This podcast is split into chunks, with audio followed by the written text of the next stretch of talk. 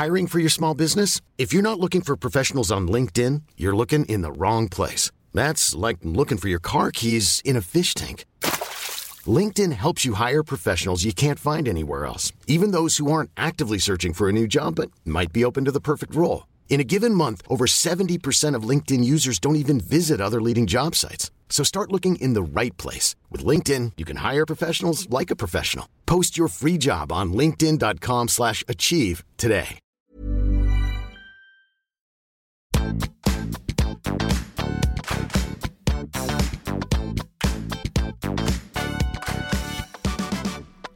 Sammen, og velkommen tilbake til podkasten Karriereveiledning med Elaine. Først og fremst godt nyttår til alle dere nydelige lyttere. Jeg har klødd i fingra etter å sette i gang, så nå er vi her igjen. Og for å ringe inn det nye året, så har jeg med meg en helt fantastisk gjest som heter Juma Iraki. Og han skal du få lære mer om. Han er rett og slett en ettertrakta trener med veldig bred erfaring og kompetanse innen trening og kosthold. Han er sertifisert personlig trener, han har mastergrad i idrettsernæring og har det prestisjetunge IOC-diplomet i idrettsernæring. I tillegg er han både foredragsholder og underviser.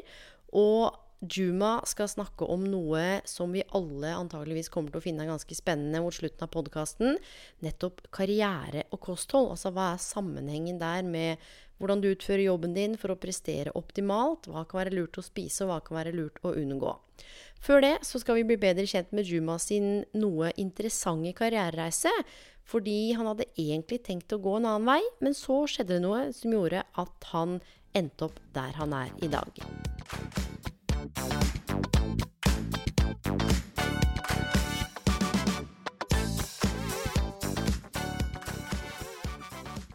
Kjære, kjære lyttere. Den første gjesten på podkasten Karriereveiledning med Lane 2020 er ingen ringere enn Juma Iraki. Hei, Juma! Hei, Elaine. Går det Du bra? er der. Ja, det går veldig bra. Godt nyttår. Godt nyttår. Lenge siden.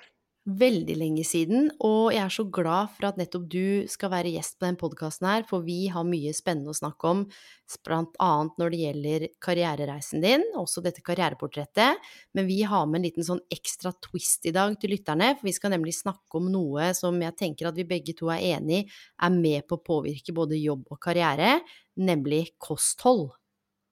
Yes. Hæ?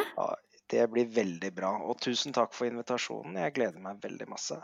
Du, jeg gleder meg, jeg òg, og det er veldig få, sånn som jeg opplever det, som helt tatt snakker om karriere og kosthold. Og før vi kommer dit, så må lytterne få lov til å bli litt bedre kjent med den stjerna du er. For du er jo en liten stjerne. Ja Nei, jeg er jo ikke det. Nei, nei og litt, litt, litt ydmyk. Herregud, har du tatt på deg ydmykpantsa nå? Ja, ja på podkasten så har jeg det, men du kjenner jo meg. Ja, jeg kjenner jo deg. Jeg kjenner jo deg ganske godt, for vi eh, er jo leid inn for AFPT og vi foreleser begge to. Mm. Hvilke temaer er det du foreleser i? Ja? Jeg har eh, grunnleggende ernæring, og så har jeg idrettsernæring og kosttilskudd.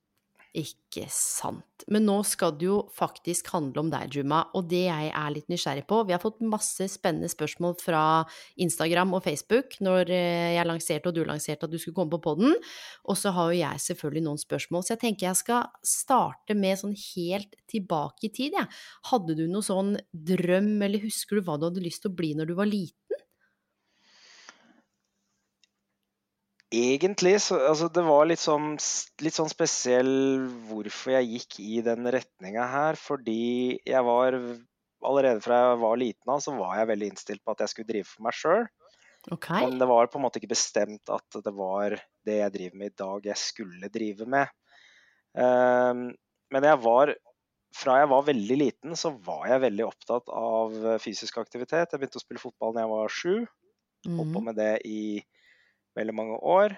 Uh, når jeg var 16 år, så knakk jeg kravbeinet mitt under en fotballkamp. Og da måtte jeg rehabiliteres, og da begynte jeg å trene styrke. Og da fant jeg fort ut at det her var jo mye gøyere enn å spille fotball, så jeg ble jo veldig bitt av basillen da.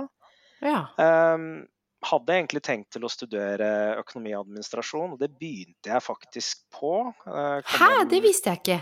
Jo, jeg var, eh, jeg var eh, Etter videregående så tok jeg et år i militæret, førstegangstjenesten. Og så tok jeg opp noen fag når jeg kom tilbake og bare jobba. Og så begynte jeg å studere økonomi og administrasjon på Høgskolen i Oslo. Eh, og da møtte jeg en barndomsvenninne av meg, eh, Linda Nilsen. Hun har kjent, siden jeg, ja, kjent hun siden jeg var to, ja, tre-fire år eller noe sånt. Ja. Og da sa hun til meg eh, Hun hadde begynt å studere ernæringsfysiologi. ja. Og da tenkte jeg det er jo noe som interesserer meg. For jeg kunne, jeg kunne allerede, før jeg begynte å studere, så kunne jeg allerede sette opp kostplaner, og jeg hjalp masse folk med det. Eh, ja. og så tenkte jeg det her må jo være interessant å studere, så jeg hoppa av studiet. Hvor lenge hadde Eh, du gått på studiet da? jeg hadde gått uh, tre måneder. Uh, ved siden av studiene så jobba jeg som dørvakt. Så det er jo Bouncer? bouncer. OK! ja. Um, så jeg hoppa av studiene, og så brukte jeg det året på å ta en pause og egentlig bare jobbe, jobbe videre i, i døra. Så begynte jeg på ernæringsstudiet, og samtidig så tok jeg personlig trenerutdannelse på Norges idrettshøgskole. Ja. Så februar 2012, da starta jeg Irak Nutrition. Mm. Eh, var faktisk et par måneder før jeg hadde avslutta eksamen. Jeg husker det var en del kompiser av meg som bare Tar ikke litt sjanse med å starte opp firma Ja. før du faktisk er ferdig. Tenk om du stryker på eksamen, bla, bla. bla, bla. Så jeg bare ja, whatever. Det her går bra, så tenkte jeg. Så det jeg starta med, var faktisk med Linda. Vi åpna opp et lite kontor sammen på Skåresletta på Lørenskog. Det var et sånt helsebygg, og begynte å tilby kostveiledning. Eh, og da hus jeg husker det faktisk, for det var veldig Det var veldig stusslig, for å være helt ærlig. Jeg kan huske at jeg huske at jeg kunne liksom For jeg, jeg var veldig opptatt av at bedriften skulle være Altså alt skulle være profesjonalisert. Altså jeg skaffa meg bedriftstelefon, og kontoret ble liksom ordentlig innreda Ja, ja. og alt mulig og sånn. Jeg husker jeg pleide å komme på jobben og bare Ja, nå er det sikkert mange som har ringt meg, for nå har jeg jo smakka på en nettside, og folk finner telefonnummeret mitt. Men jeg kom på jobben, ikke sant, så var det det var det én beskjed som var lagt inn, og det var ofte en selger som skulle selge meg et eller annet bullshit. Oi, oi, oi. Så jeg husker uh, første året jeg jobba, 2012. Ja. Ja, tjente jeg mm, 50 000 kroner det året. Men du, Mm, vet du hva? 4000-5000 kroner måneden, var det Jeg jeg lå på. jeg er så glad for at du deler det her, fordi det tar tid å bygge noe som skal bli bra. Ikke sant? Man må jo utvikle seg sjøl, kompetansen, konseptet. Men det at du, du turte å gutse, da, det syns jeg er kult. Og tenk deg det her, fordi du faktisk møtte Linda, så valgte du å hoppe av studiet og gå i en annen retning. Og da må jeg bare spørre deg, hadde du tenkt på ernæringsfysiolog, altså, eller det studiet, eller PT-studiet, før du helt tatt traff Linda, eller var det bare helt blankt? Jeg hadde tenkt på det, men fordi jeg ikke hadde realkompetanse. Fordi jeg hadde, alt, jeg hadde jo gått økonomilinja på videregående.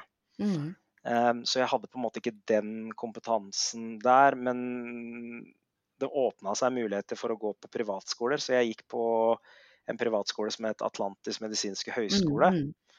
Så var der jeg tok bachelorgraden min i ernæringsfysiologi.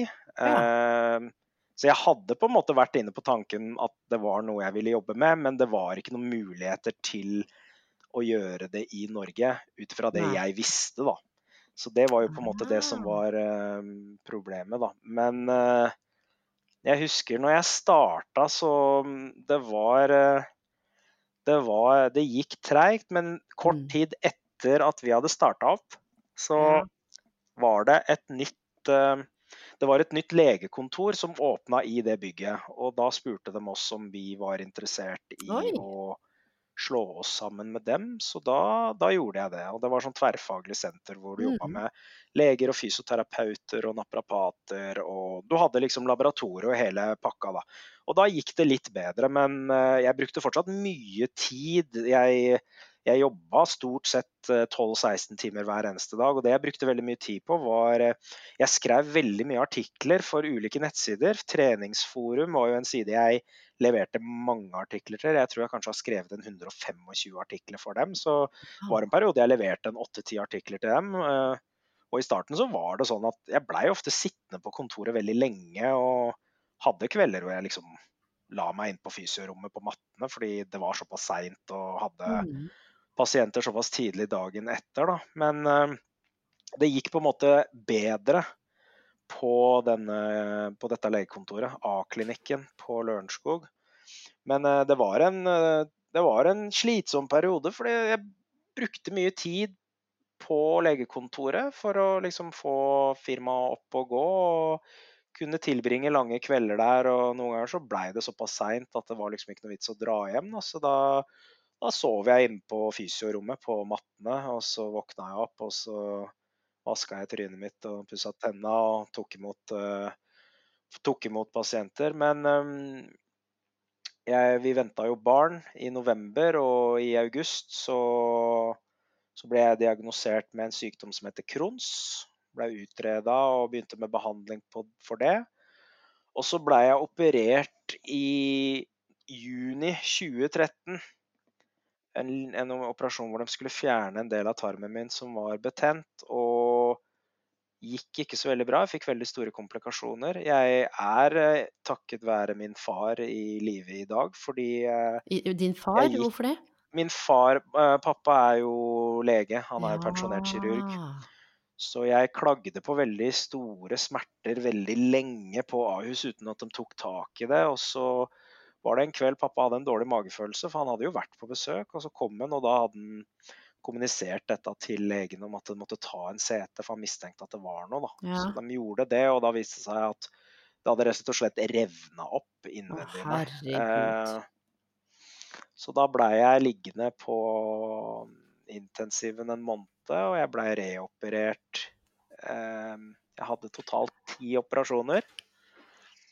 Blei langtidssykmeldt i et år med det greiene her. Og en ting er jo på en måte det fysiske med det her, men det er jo på en måte en psykisk belastning også å rett og slett ha dette presset over deg og prøve å forsørge familien din da, når, du, når du driver for deg sjøl og har en liten unge. og og jeg var jo enkeltmannsforetak på det tidspunktet og hadde jo ikke tjent så veldig mye, så grunnlaget mitt var jo veldig lavt. Så jeg blei jo bokstavelig talt rævkjørt.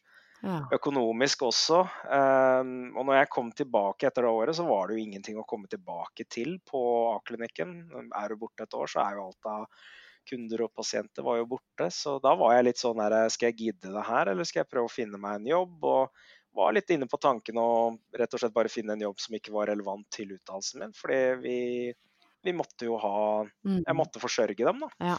Men eh, så blei jeg på en måte motivert til å prøve å gi det et siste forsøk, da. Hva er det som gjorde at du ble motivert, da? For det kan jo være viktig for de som lytter. Nei, det, det, var, det var vel egentlig de rundt meg som sa at du må prøve en gang til. Du kan liksom ikke gi opp nå. Gi det et siste forsøk og se om det går. Ja. Og så gjorde jeg det, da. Og jeg, hva som skjedde, det veit jeg ikke, men i løpet av den i løpet av de første fire månedene ja.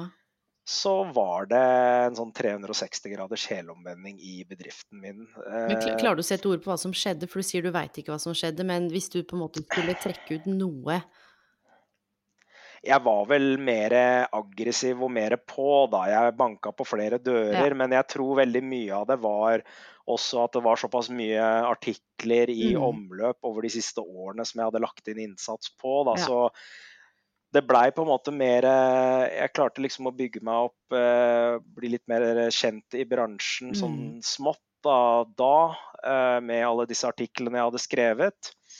Um, og så begynte jeg liksom å tenke litt utenfor boksen, fordi driver du med ernæring og bare tenker å drive med, med kostveiledning, så så er jo ikke det nok. Men det er jo masse andre muligheter. ikke sant? Man kan drive med undervisning, forelesning, rådgivning for bedrifter. Så min strategi har jo på en måte alltid vært å Altså det å spørre etter jobb eh, eller, eller, kunder, det pleier som regel å funke veldig dårlig. Men det som funker veldig bra, det er jo på en måte hvis du klarer å belyse et problem i et firma, og samtidig presentere for dem hvordan du med din kompetanse kan løse det problemet de har. Da. Nå snakker jeg ikke om at man skal være eplesjekk og, nei, nei, nei, og kritisere bedriften, men det er mer sånn Men det er jo å gå inn og gjøre en analyse, da, og rett og slett stille gode spørsmål, avdekke behov? Ja, rett og slett det. Liksom belyse at vet du hva, jeg syns dette er noe dere gjør bra, men dette kunne f.eks.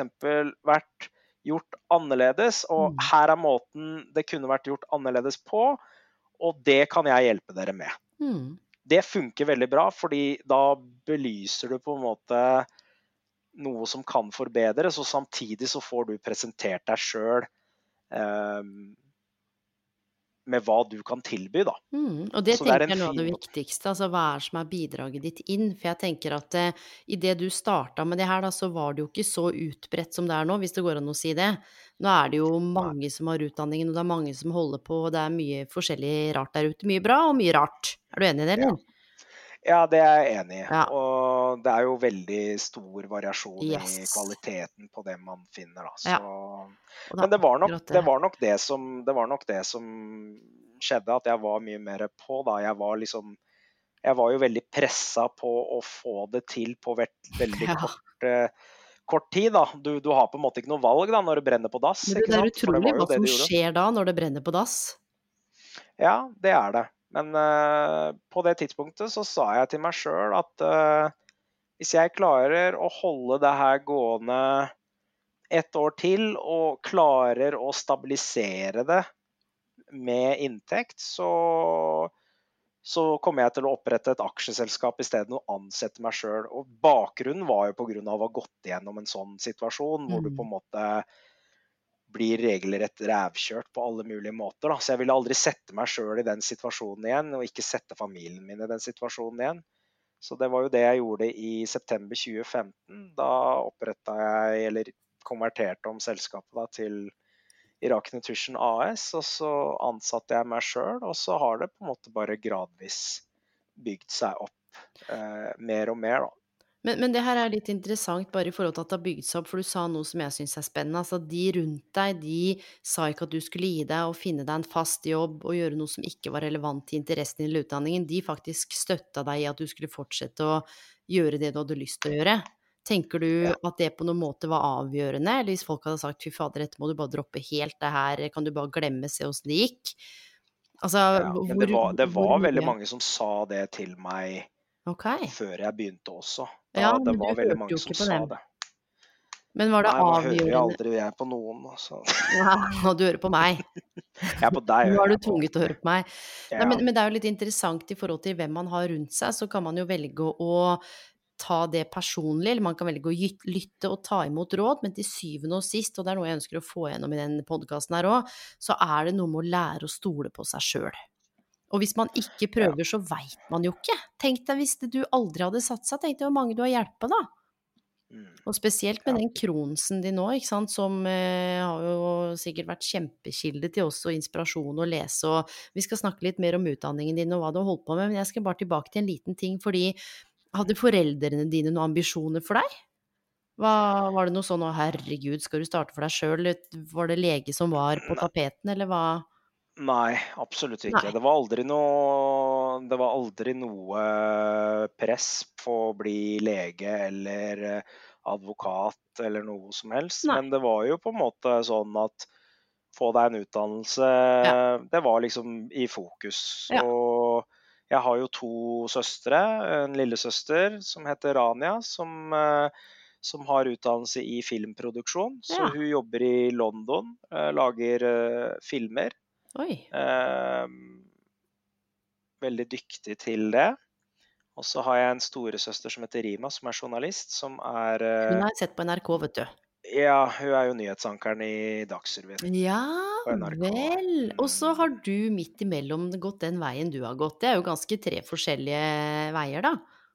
Ja, så jeg er jo på en måte den eneste som, eh, som har gått utdannelse innenfor noe som er i forhold til helse, da. Moren min Mm. er jo utdanna ergoterapeut, og så er jo, Ja. som jeg nevnte, pappa er jo uh, lege. Mm. Pappa er litt sånn sidespor, da, men øh, de er jo på en måte Mamma og pappa er jo mine store forbilder, fordi de har jo vokst opp i veldig vanskelige kår. Hvor Eh, er det de har vokst opp hen? Fortell. Fordi det neste spørsmålet er hva som inspirerer deg, men nå er du inne på det. Fortell kort, hva, hva, hvor er det de Pappa er jo født i 1945, Ja. og han er jo palestiner. Så når han var to år, så ble jo hele, hele min familie på fars side ble jo deportert fra det som het Palestina, når Mm. Israel ble oppretta, Ja.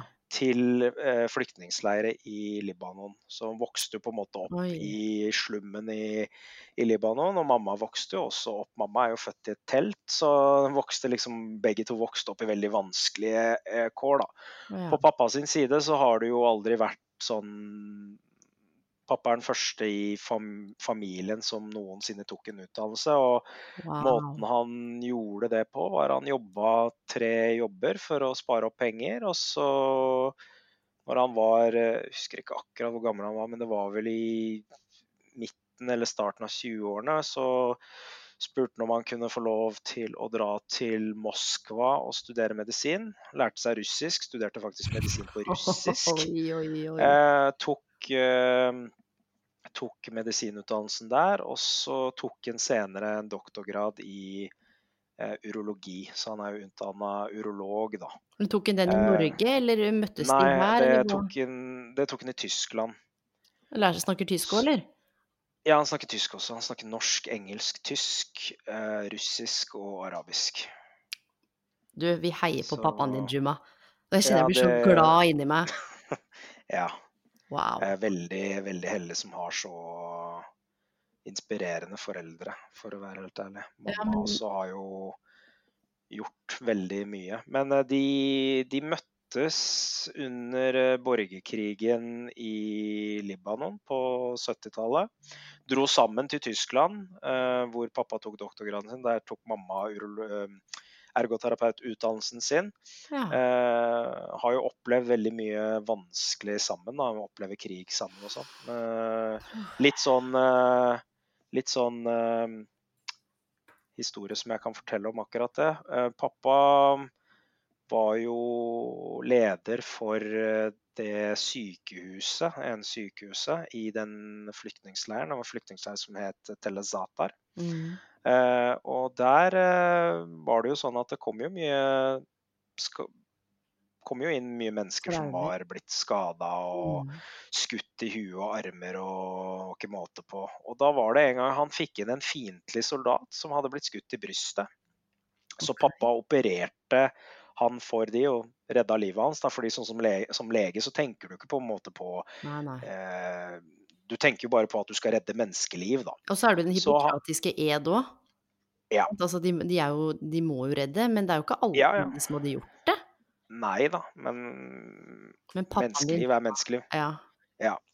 Så han, eh, han eh, opererte denne soldaten, fiendtlige soldaten, og så går det seks måneder, og da blir dette sykehuset storma av seks fiendtlige soldater. Og det ender jo opp med at de eh, dreper ganske mange av eh, sykepleierne og legene og, og pasientene som er på, på sykehuset, og er i ferd med å drepe pappa i tillegg ved å ved å skyte den med en AK-47. Men heldigvis så er det sånn at en av de seks soldatene som storma det sykehuset, var jo han pappa opererte seks måneder tidligere. Han blei på, en måte- han ble på en måte spart pga. det, da. Du, nå sitter jeg med Eh. frysninger, det her er så vilt at eh, og, og, så, og du sitter her i dag av det. Ja, jeg òg. Så, så pappa har jo skrevet en bok. Du finner den på Amazon, faktisk. Den heter eh, A Diary of a Doctor in Telezatar, hvor han har skrevet Det er faktisk fra hans faktiske dagbok, hvor han skrev om alle hendelsene som skjedde under borgerkrigen. Så gjorde han om det til en, en, en bok, da. Så der står det jo veldig mye om Du, hva som tror skjedde du fra dag pappaen din ville vært gjest på podkasten, eller? Ja, det, det kan du sikkert få til. Du- Å intervjue han. Ja, han skal gjøre karriereportrett av han. Ja, Det det tror jeg er spennende. Kan ikke du spørre Ja. pappaen din når vi er ferdig? Jo, jeg skal spørre henne Så sier du ifra. Og jeg Mm. å, vet du hva, jeg kjenner jeg blir litt sånn Dette her er jo egentlig noe Nå skal vi jo snakke om deg, men det er klart pappaen din og mammaen din er jo en del av deg, og eh, den historien der, altså Ja, jeg veit ikke hva jeg skal si. Som jeg sa til deg, nå skal ikke dette handle om eh, handle om meg, nå skal det jo handle om deg, og det skal ikke handle om pappaen din, men det er en viktig del av det. Jeg har jobba med folk fra over 55 land, og noen av de historiene de deler, da, og den historien faren din sitter med, det er sånne ting for meg som er født og oppvokst vet du hva, jeg har ikke sjans til å Jeg kan ikke forstå Altså, det går ikke an å sette seg inn i det engang. Henger du med? Du bare Du lytter, og så tenker du bare Altså, ressursene som bor i, i mennesker, er eh, Nei, jeg Ja. Det er helt vilt, Juma. Jeg skjønner at de har vært inspirerende for deg, i hvert fall. Veldig. Veldig. Kunne, ikke, kunne virkelig ikke bedt om bedre foreldre. Alltid vært uh, støttende, lyttende, og selvfølgelig Man blir jo veldig motivert for å eh, prestere når man vokser opp i et sånt hjem hvor man på en måte har klart å utrede såpass mye fra så vanskelige kår. Da. mm, Så det har jo vært eh, Men igjen, det har aldri vært noe som helst av press Nei. eller tvang til å bli det ene og det andre. Eh, og pappa pleier alltid å si til meg at eh, Han sier jo alltid til meg at at jeg ikke ble lege, det er sånn han ikke tenker på. For han syns jo det jeg driver med nå er enda bedre. For han mener jo at trening og fysisk aktivitet og kosthold, det, er jo, det er jo fremtiden innenfor eh, forebyggende helse, ikke sant. Så Ja, og det er, det er jo på tapeten nå. Forskning, staten Mm. setter av penger. Dette er jo noe som er i vinden nå, som ikke var Mm. like mye i vinden for ti år siden, selv om det har jo ligget der, men det har blitt mye mer blest om det nå. mm, Men jeg er litt nysgjerrig, da. Hvor gammel er du nå, Juma? nå er jeg 32. Ja, og hvis du på en måte skulle se tilbake, da, sett at vi spoler tilbake en tolv års tid, du er 20 år gammel cirka, eller noe rundt der, hva slags råd ville du gitt deg sjøl da, hvis du på en måte hadde hatt 20 år gamle deg foran deg nå? Ikke start på økonomiutdannelsen. Nei? Ikke start på økonomiutdannelsen og slutt, slutt å jobbe i døra. Det skulle jeg gjort mye tidligere. Hva er årsaken til det, da? Nei, det Det blei jo bare Nei, jeg veit ikke hva jeg skal si. Det var nok mer at jeg jobba veldig mye. Jeg jobba jo hver helg i fire år. Jeg hadde veldig lite sosialt liv ved siden av studiene. Selvfølgelig, du har jo det sosialt med kollegaene dine på jobb og sånne ting, men Mm. altså, det er jo ikke en jobb du orker å holde på med i lengden. Så er det jo på og- natta, er det jo ikke det? det er natt, ja. Snudde jo døgnet helt rundt. Og du er jo med mye mennesker som Ja.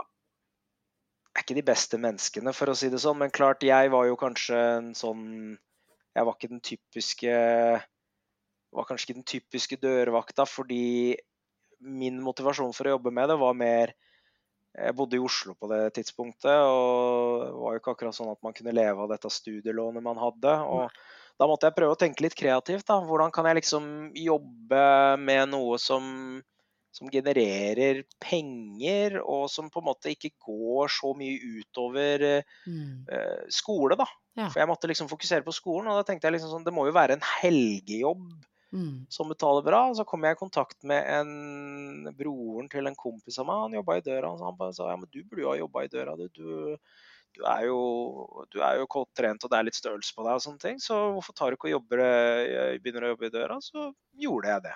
Jeg angrer jo selvfølgelig ikke på at jeg Nei, gjorde nei. det, men klart jeg, jeg jobba såpass mye over så lang tid, da. Så, så det var liksom ikke så veldig relevant i forhold til det jeg hadde tenkt til å drive med.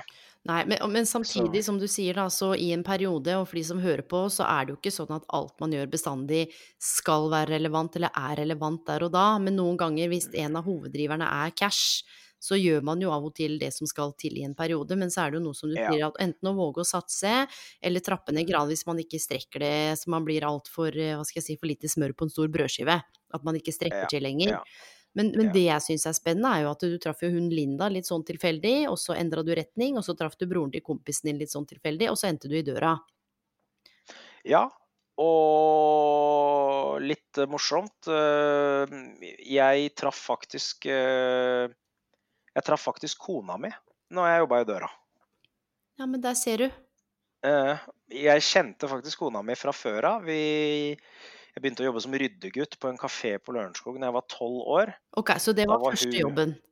Det var for, okay. Nei, for, første jobben jeg noensinne hadde, da var jeg da var jeg ni år. Da lufta jeg en hund i nabolaget, så fikk jeg 15 kroner for hver gang jeg gjorde det. Okay. Så jeg starta allerede egentlig en sånn liten business når jeg var liten. Jeg tok eh, Jeg lufta Det var en hund som het Laika. Ja. En sånn golden retriever. Jeg lufta hun tre ganger om dagen, så jeg fikk en 45 kroner dagen for å lufte hun. Og det jeg pleide å gjøre med disse penga, var Jeg var jo veldig opptatt av hockey og fotballkort da jeg var liten. Så det jeg pleide å gjøre, var Jeg brukte penga fra, fra det jeg fikk fra luftehunden, til å kjøpe hockeykort. Og det jeg gjorde, var på Metrosenteret på Lørenskog da jeg var liten, så var det en butikk som het Hobby. Ja. Solgte frimerker og medaljer og, og hockeykort. da. Så jeg pleide å gå ned til han, og så pleide jeg å liksom spørre hva slags type kort er det du trenger. Og da var det sånn ofte at han ønsket eh, kolleksjoner av, eh, av en serie med kort. Da. Det var alltid noen sånne spesialkort som var gull- eller sølvbelagt, eller noen sånne ting. Da. Så det jeg pleide å gjøre, var Jeg pleide å få beskjed av han hva han, eh, hva han trengte. ja. Og så gikk jeg rundt i nabolaget og bytta bort bytta kort da, med nabogutta og litt sånne ting. Og så fikk jeg samla disse kolleksjonene komplette. Dro ned til han og pleide å selge det. Det her var når jeg var åtte-ni år. Pleide å selge det til han for en tusenlapp eller 2000 kroner. Shit. Eh, Og på det tidspunktet så hadde jeg en sånn sparekonto i, i Posten. Ja. Og i løpet av det første året hvor jeg drev med det her, så tjente jeg inn en 10 000-15 000 kroner på å drive med det der. Så det var egentlig den første jobben jeg hadde. var eh, Jobbe med å lufte hunder og gå og deale kort og selge det til en Du hobbybutikk. er en liten kremmer, du. Ja, jeg var det. Ganske tidlig. Men det visste jeg ikke. jo, jo, jo, jo, jeg Du. Juma, nå kommer det fram. Det kommer fram, ja. Ok, så Så- du lufta hunder og deala kort, og så begynte Ja. du som ryddegutt. Treffer eh, kona di, holdt jeg på å si fremtidig kona di, men det visste du jo ikke da. Nei, det gjorde jeg ikke, fordi Jeanette var jo tre år eldre, men hun var jo 15 og jeg var 12. Jeg ah, ja. jobba da som, uh, jobba da som eh, ryddegutt, og hun jobba som servitør. Og forelska du da. Ja, veldig. Jeg var veldig betatt av hun. Og så går det ganske mange år. I mellomtida så har jeg da jobba som kokk, og jobba også som TV-selger på Lefdal, og Hæ? vært i militæret. Ja, ja, ja. Okay. Hadde masse forskjellige jobber før det. Og så var jo dør, den dørvaktjobben var jo på en måte den siste jobben jeg hadde. Jeg hadde også en jobb til mens jeg jobba i døra. Okay. Jeg jobba på Rikshospitalet som vekter. Jeg drev med sånn uh, Mors, heter det. Noen transport av uh, Du, Juma, dette her visste jeg ikke. Å ja, nei, nei. Jeg, jo, jo, jeg har gjort litt forskjellig. Jobba med sånn transport av lik. Ofte at du kom med sånne begravelses... Det kom sånne begravelsesbyråer med likene, og så måtte du være med ned på fryseren og putte dem i hyllen. Og, og det som er litt spesielt med å jobbe på Rikshospitalet, er jo at det er jo ofte der de sender eh, eh, lik som, hvor det har blitt utført noe kriminelt. Da. Så du fikk jo se litt forskjellige ting. Men Ja. eh, det var eh, det var en gang jeg var nede på Du, ikke fortell noe som er kjempeekkelt og skummelt nå, altså, for dette er karrierepodden, må ikke skremme folk. Du må, Nei, nei, ok. vi, holder den okay. i tilfelle noen Vi, vi holder den eh, da, var- da skal jeg ikke fortelle Nei, fortell til meg når vi snakkes en annen gang, for det er sånn. Det, det, Det var den podkasten. Hva blir neste nå, Mm. liksom? True Mm. Criminal Minds. Mm. Men du, jeg må spørre, stille sånt spørsmål. Du har gjort mye forskjellig. Og så jeg, Vanligvis når jeg jobber med folk, så er jeg jo ikke noe glad i å snakke om at man angrer, og det, jeg liker egentlig ikke det ordet, fordi livet skjer. Men Mm. hva er det du har lært av kombinasjonen av de jobbene? Er det noe du kan bruke i dag? Eller er det ikke Ja, altså, gærent? misforstå meg rett, jeg angrer ikke på at jeg jobba i nei. heller, det gjør jeg ikke. Men jeg blei nok litt for lenge i den bransjen. Mm. Det var det som var greia. Men jeg, jeg har jo lært egentlig av alle jobbene jeg har gjort. Ja, hva er det Liksom du tar jobba- med deg da, inn i det du driver med nå? Eh, Jeg er ganske god på kjøkkenet etter å ha jobba to år som kokk. Jeg Lærte jo ganske poeng. mye kjøkkenskills av å jobbe på Egon. På, jeg jobba på Egon på Triaden Ja. på Lørenskog. Ja. Eh, fikk jo veldig mye erfaring med salg når jeg jobba som TV-selger på Lefdal. Godt poeng. Uh, veldig mye Jeg fikk veldig, veldig mye ut av det året jeg var i militæret med tanke på uh, disiplin og ryddighet og struktur. Jeg hadde jo veldig fysisk aktiv tjeneste. Jeg var i infanteriet i Indre Troms i Nord-Norge. Ja. Så der lærte jeg veldig mye. Men den dørvaktjobben Du lærer jo veldig mye om konflikthåndtering, men aller mest så syns jeg egentlig jeg lærte veldig mye om å uh, Altså psykologi, da. For jeg Mm. hadde en veldig spesiell måte å håndtere mennesker på. Okay. Jeg var liksom ikke den derre Jeg var veldig sånn Jeg var jo vaktsjef på Dr. Jekylls på Klingenberg. Du har ikke kasta opp noen ganger? da? Nei, Nei, det det tror jeg ikke. Aldri iallfall meg Men, eh, men jeg, var, jeg var veldig sånn som på en måte sa til gutta jeg jobba med, at det er veldig viktig å behandle folk med respekt. da. Mm. Fordi det, det holder konfliktnivået nede. Så jeg hadde min måte å gjøre det på med å få folk ut. Da, og det var eh, egentlig en ganske smart strategi å, å, å liksom ikke skape en konflikt. Jeg pleide egentlig bare å, Hvis det var noen som var overstadig berusa, så pleide jeg egentlig bare å gå bort til dem og, og trykke dem på skulderen og si hei. Hei, kompis, skal ikke jeg bare få to ord med deg? Mm. Jo, jo, jo, selvfølgelig kan du det, sier jo vedkommende da. Ja. Og da pleide jeg bare å gå ut. ikke sant? Ja. Jeg gikk bare ut, og vedkommende går jo bare etter da. Og da har du plutselig vedkommende på utsida. Ja. Så kan du bare si at du, det er veldig hyggelig at uh, du har vært her i dag og sånn, men nå tror, jeg det, nå tror jeg på en måte du har fått i deg litt for mye å drikke. Du er hjertelig velkommen en annen dag, Mm. men jeg tror vi må sette en strek for i dag. Har du en jakke eller noe sånt inne som jeg kan hente for deg? Ja, det har jeg. Ja. Går inn og henter jakka, gir det til vedkommende og sier takk for en hyggelig kveld. Som sagt, du er hjertelig velkommen en annen dag, men nå må vi si takk for i dag. 95% av folk da sier jo, vet du hva, jeg setter så stor pris på at du sier det på den måten, kontra å liksom si «Øy, du er full, og begynne å dra i den Ja, på innsida. For det er da det blir konflikter. Mm. ikke sant? Så jeg, kalt, jeg pleide å kalle det for bikkjetrikset. Ja, ja. Fordi du pirker bare folk på skulderen, så går du ut, så følger de bare etter deg. Men, men, og det som er så eh, fint da med det du beskriver nå og i, i flerjobbene dine, det er jo noe jeg er veldig opptatt av, dette med overføringsverdi. Sant? For folk sier ofte sånn fy fader, jeg hadde den jobben, og det var så teit, og jeg har brukt tre år på Kiwi, eller jeg har brukt sånn og sånn og jobba der. Så tenker jeg, men herregud, hva er det du sitter igjen med, ikke sant? Utover kanskje stillingsinstruksen, da. Og du snakker om disiplin og matlaging, og det er jo masse her som du har nytte av i dag, men det er ikke alltid vi klarer å se de trådene før vi faktisk setter oss ned og sparer, eller begynner å rote litt rundt i hva slags kompetanse vi har. Jeg er jo kjempeglad for at du faktisk belyser det for noe av det du har gjort, bortsett fra den kokkebiten og kanskje noe med salg, er ikke nødvendigvis kjemperelevant for det du driver med nå. Men så klarer man å finne de røde trådene, da. Og det bringer meg litt over til eh, noen av de spørsmålene vi har fått inn. Skal vi hoppe litt videre på de, eller? Ja. Ja, det Konkret så er det noen som lurer på, eller det er flere, hva er det du egentlig er utdannet som, eller utdannet i? Og du var jo inne på det Ja. i stad, en bachelor. Jeg har en bachelor i ernæringsfysiologi, Ja. og så har jeg personlig trenerutdannelsen. Ja.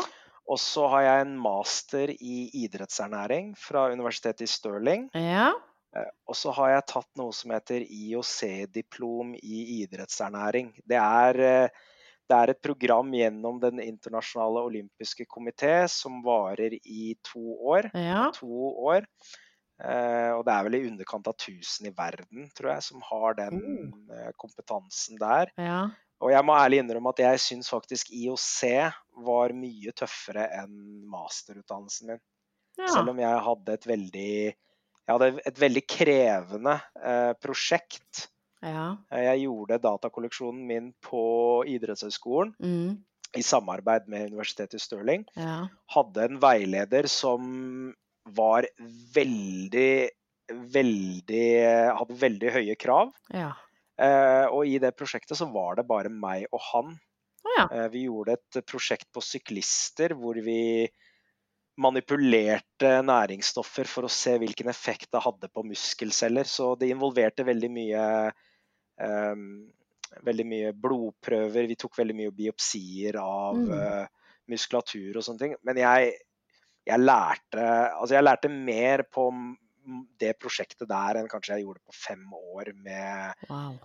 ja, eller seks år da, med ernæringsutdannelse. Det var ufattelig mye. Fordi jeg blei på en måte tvunget Jeg er jo en Mm. sånn derre musclehead, som jeg sier. Jeg er opptatt av alt som har med muskelvekst og fettforbrenning og kroppssammensetning og metabolisme å gjøre. Mm.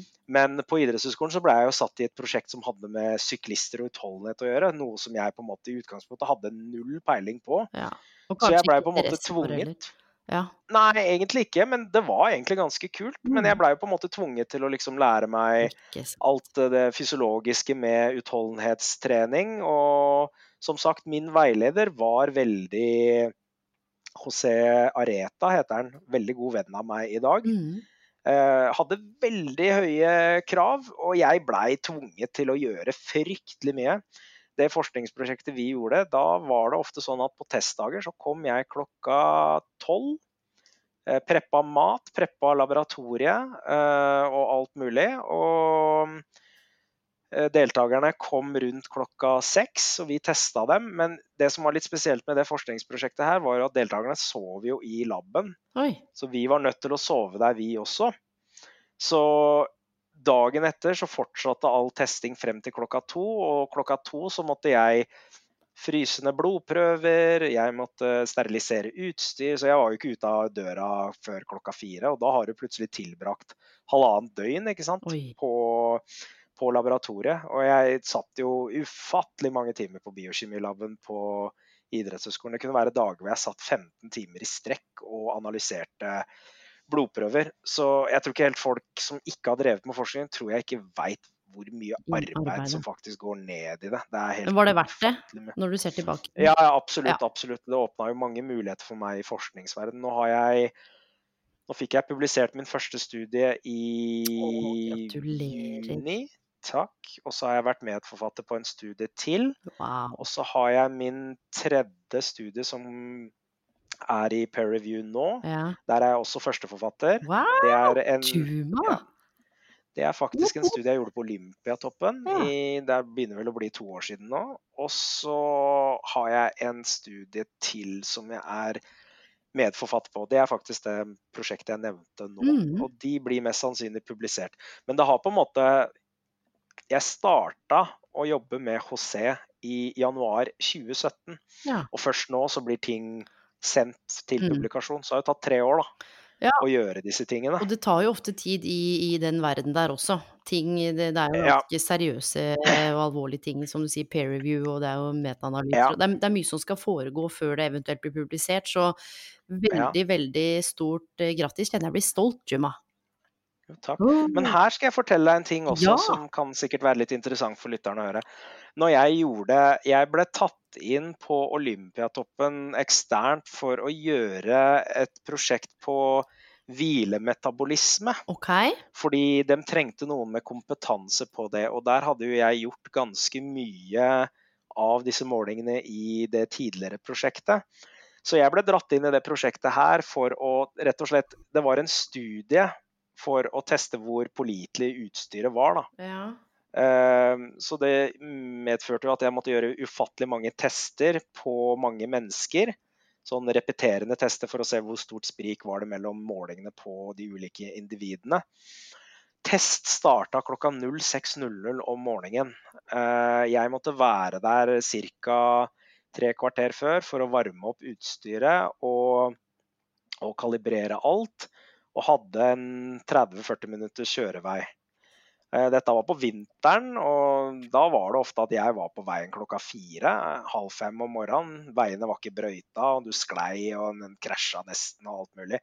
Og da husker jeg at jeg satt oppe på den laben og gjorde disse testene, og så tenkte jeg bare hva er det jeg driver med? Det her kommer jeg jo aldri til å få bruk for eh, i det jeg driver med. Fordi hvilestoffskiftemålinger er jo ikke så veldig kommersielt tilgjengelig, med mindre det er i forskningssammenheng. Mm. Men jo da, uh, i fjor så kom jeg i kontakt med Avancia på Skedsmokorset, Ja. hvor jeg jobber i dag som personlig trener.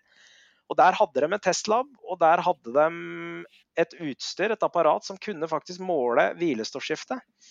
Så etter å ha gjort en del tester med det på de ansatte og et par andre, så fant jeg ut at det var jo ganske pålitelig å bruke det utstyret her også.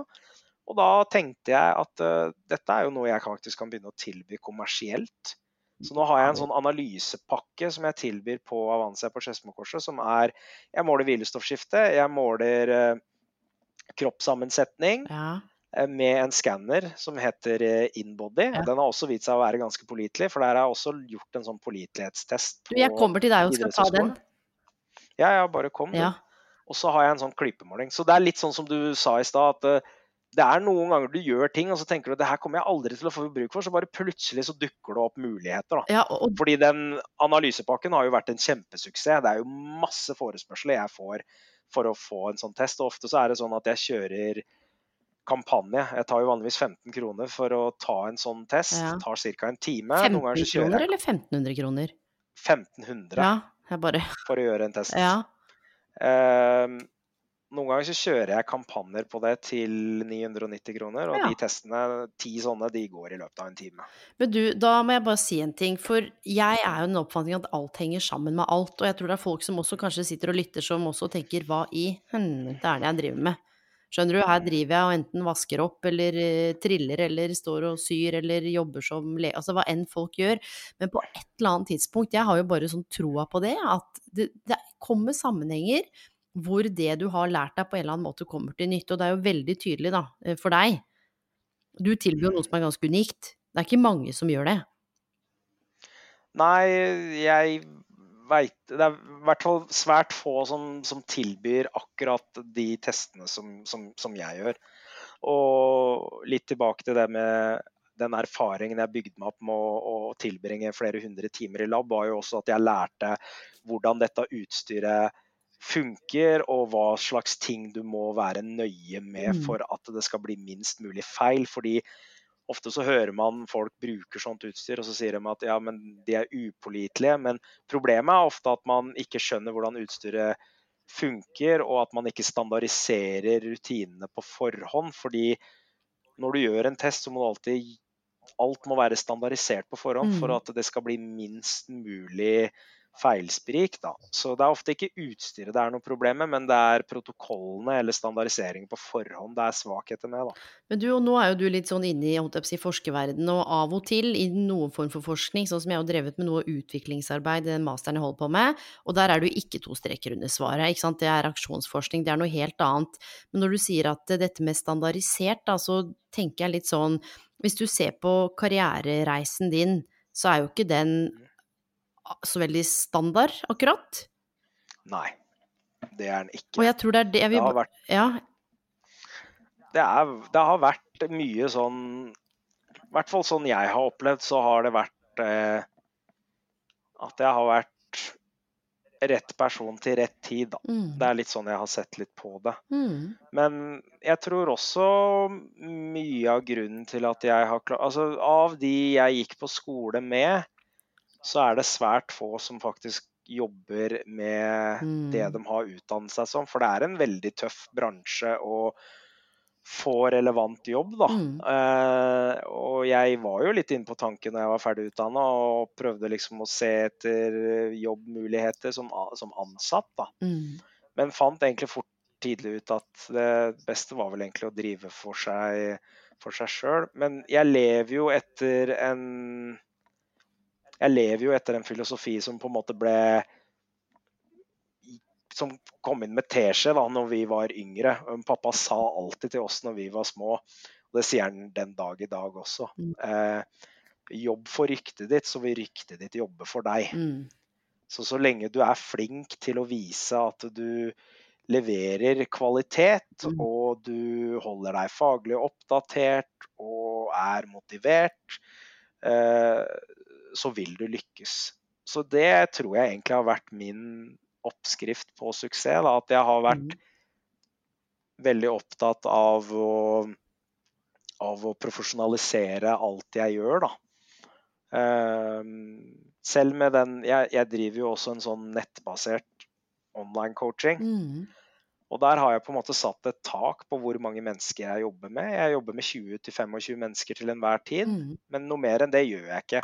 Og det er rett og slett fordi jeg Hva sa du? Hvor? For du kan jo dra inn masse penger hvis du har 20 til, hvorfor gjør du ikke det?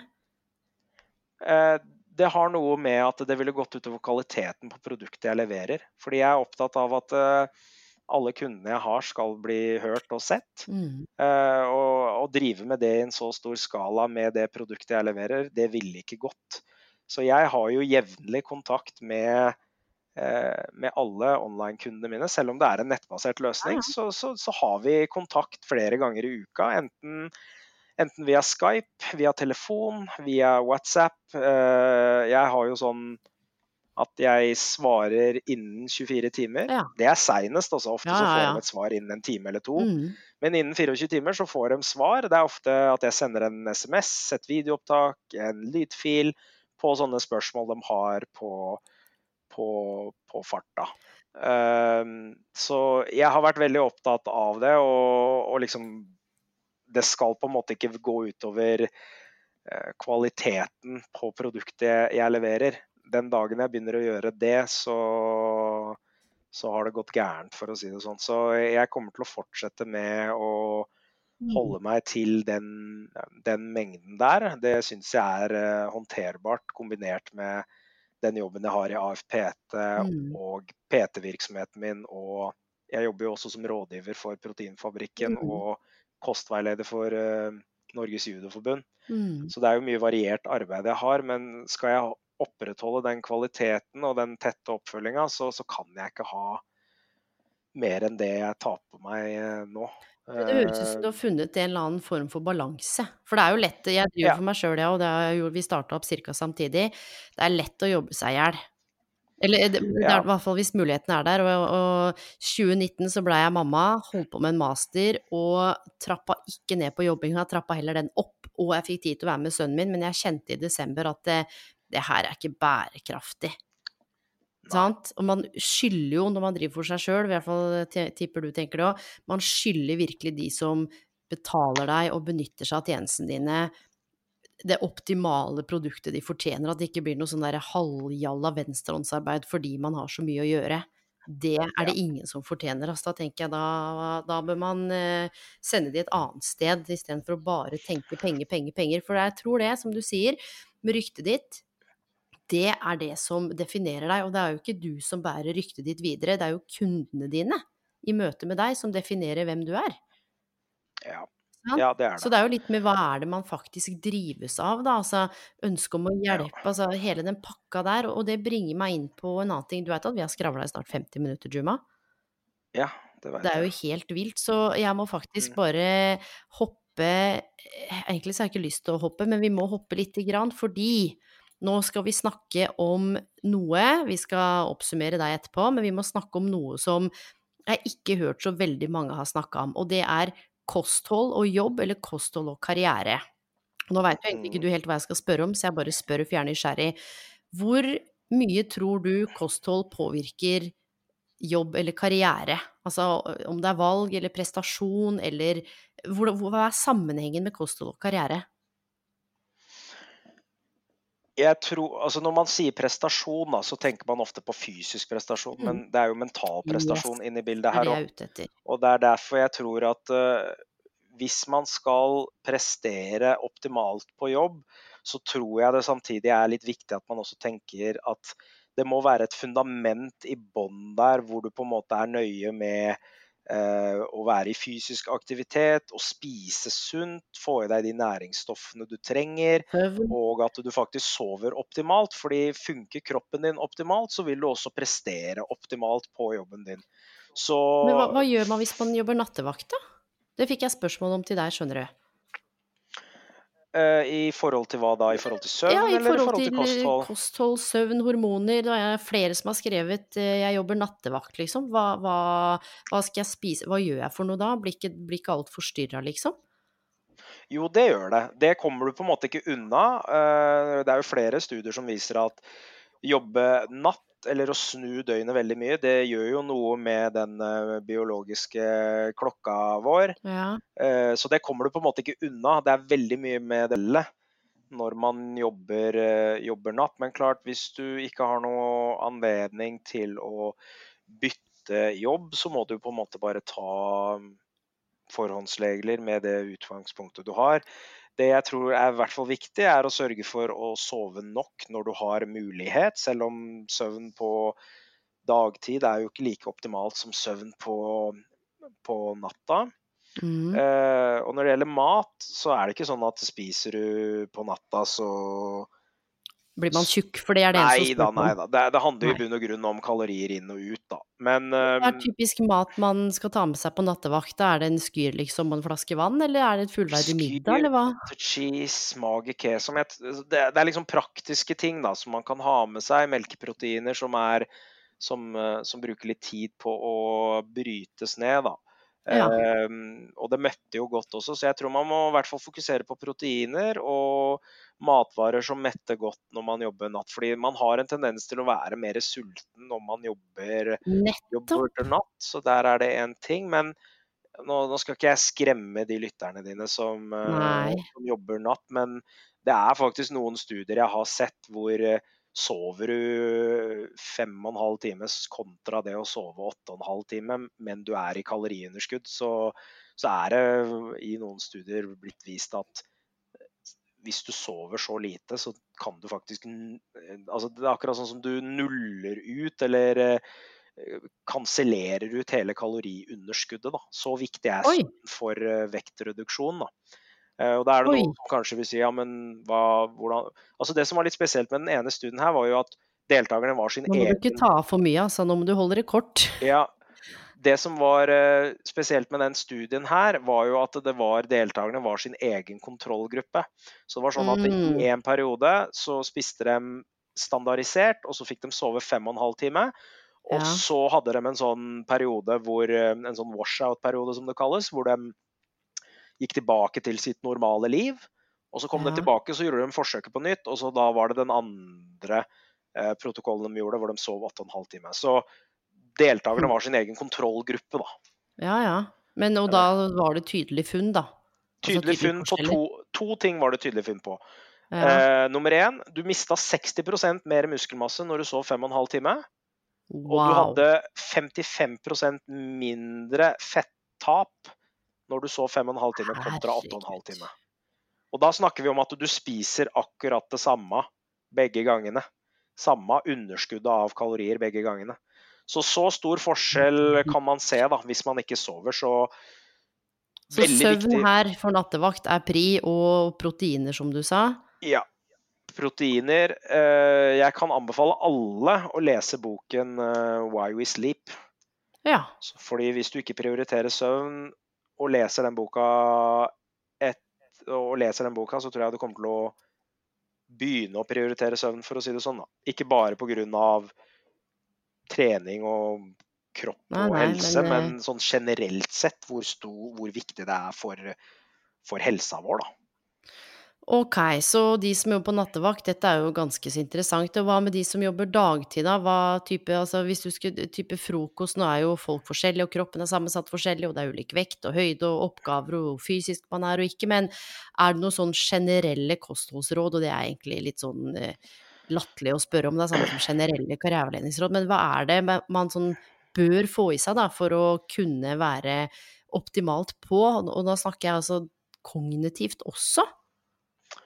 Uh, jeg tror du, man bør i hvert fall prioritere å få i seg nok proteiner til hvert måltid. Ok, noen uh, eksempler på hva det kan være, da? Det kan være eh, Altså, proteiner av høy kvalitet er alle, Ja. alle dyr og alt som kommer fra dyra. Så okay. kjøtt, fisk, fugl, eh, egg og meieriprodukter er ypperlige kilder til proteiner av høy kvalitet. Mm. Eh, veldig stort fokus på å få i seg nok frukt, grønnsaker og bær. Drikke Mm. nok vann. Ja. Eh, og da er det noen som spør ja, hvor mye skal man drikke. Jeg pleier å si drikk 35 milliliter per kilo kroppsvekt du veier. ja. Det er en fin sånn tommefingerregel. Klart det Ja. påvirkes jo av hvor mye du trener og hvilket klima du er i. fordi klart, Jobber du i et varmt klima, så vil du svette mer, da vil du ha et større behov for vann. Men en sånn enkel huskeregel for hvor mye vann du bør drikke, er gang kroppsvekta di med 35, så er det hvor mange milliliter med vann du bør drikke per dag. Veldig Det, enkelt å det var fint og konkret. Og hva med de som, det er en som spør, jeg drikker mye kaffe, telles det da at jeg drikker vann? Ja, det gjør det. Det gjør det. Ja. Hva er det du blander kaffen med? Det er jo Nei, vann, ikke sant? Vann. Ja, ja, ja. jo- det telles med, ja. Alt telles egentlig med som væske utenom alkohol, fordi alkohol er vanndrivende. Ja. Så når du drikker alkohol, så vil det være mer vann som skilles ut enn det som tilføres i kroppen. Så Ja. alkohol teller vi ikke med. Men kaffe, te, okay. juice, brus og selvfølgelig vann, det telles med til væskeinntaket. Men du, hva er det verste man kan spise? Sånn topp fire-fem matprodukter hvis du skal bli skikkelig ikke på? Hva er det man eh, Er burger og bab hele dagen, eller hva er greia? Hvis du skal virkelig ikke spise OK, da. jeg er ikke noen sånn fan av å drive og ekskludere ting jeg, fra kostholdet. Eh, Jeg er mer opptatt av at man skal ha en balanse, men klart energitett mat sånn, som bidrar med veldig mye Som bidrar med veldig lite mikronæringsstoffer, er jo ikke Mm. noe du bør eh, la utgjøre en stor andel av kostholdet ditt. Da. Så Hva er det, ting da? som- Typisk? nei, typisk ting sånn som du nevnte nå, da, eller, eh, eller um, sukker f.eks., som bidrar med energi, men det er jo ikke noe særlig med mikronæringsstoffer i det. da.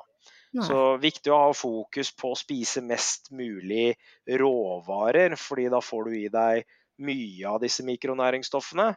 Men eh, klart, det er ikke noe sånn, det ikke noe sånn automatikk i at spiser du bab, så blir du overvektig, og spiser du gulrot, Nei, for det er det mange tror.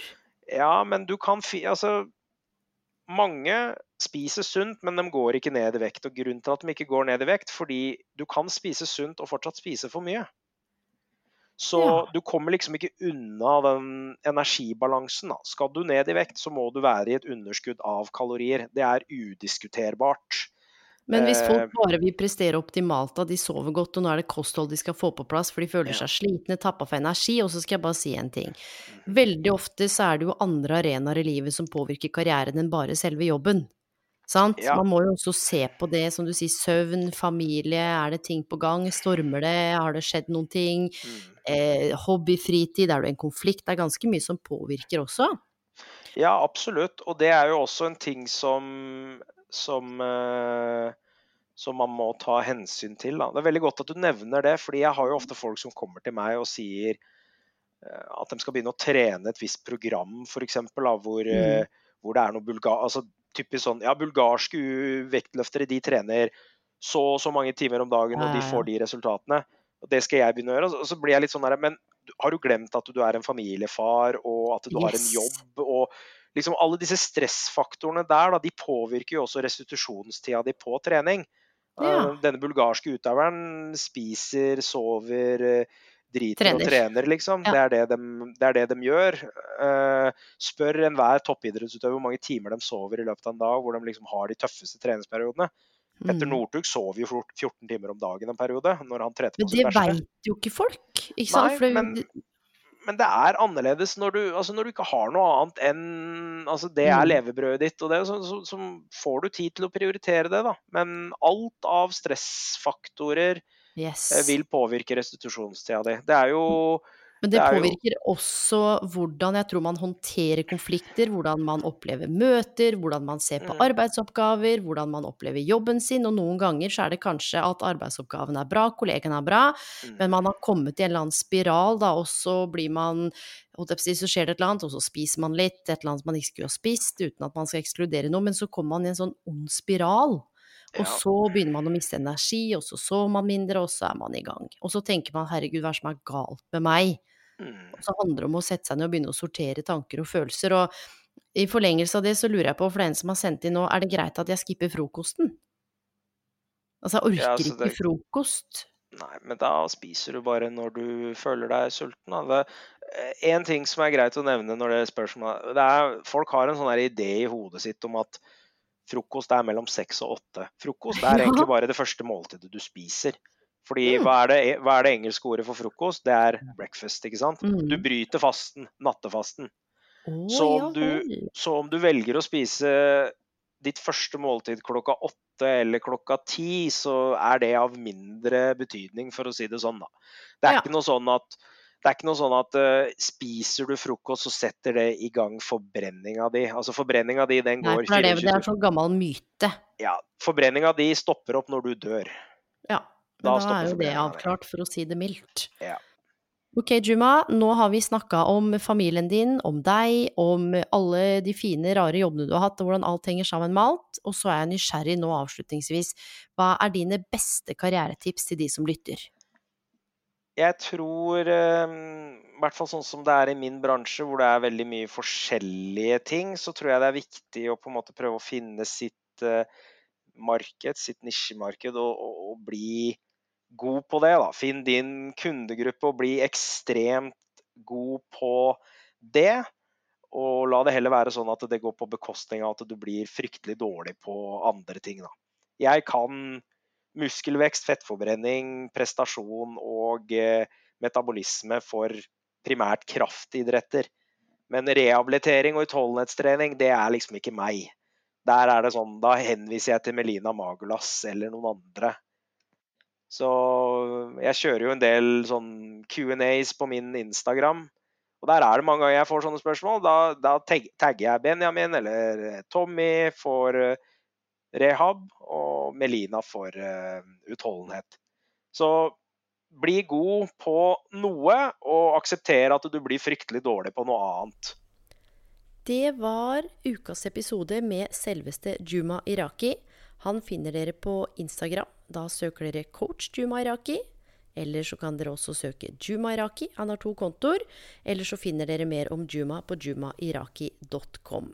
Og er det noen tilbakemeldinger på episoden, så blir jeg alltid veldig glad. Dere finner meg på Instagram, Elaine underscore Bloom. På Facebook, Elaine Bloom. Og eventuelt så går det an å sende en mail. Og mine venner, i neste episode så skal jeg snakke om dette med å stå ved et jobbskifte, et karriereveiskille. Og jeg har fått inn kjempemasse spennende henvendelser og utfordringer på hva dere som lytter, og så følger meg på Instagram og Facebook og overalt, hva dere opplever er det mest utfordrende med å bytte jobb. Så det blir altså tema for neste episode. Og Frem til da så håper jeg dere får en fantastisk dag, kveld, helg, natt, hvor enn dere er. På gjenhør, alle sammen. Ha det!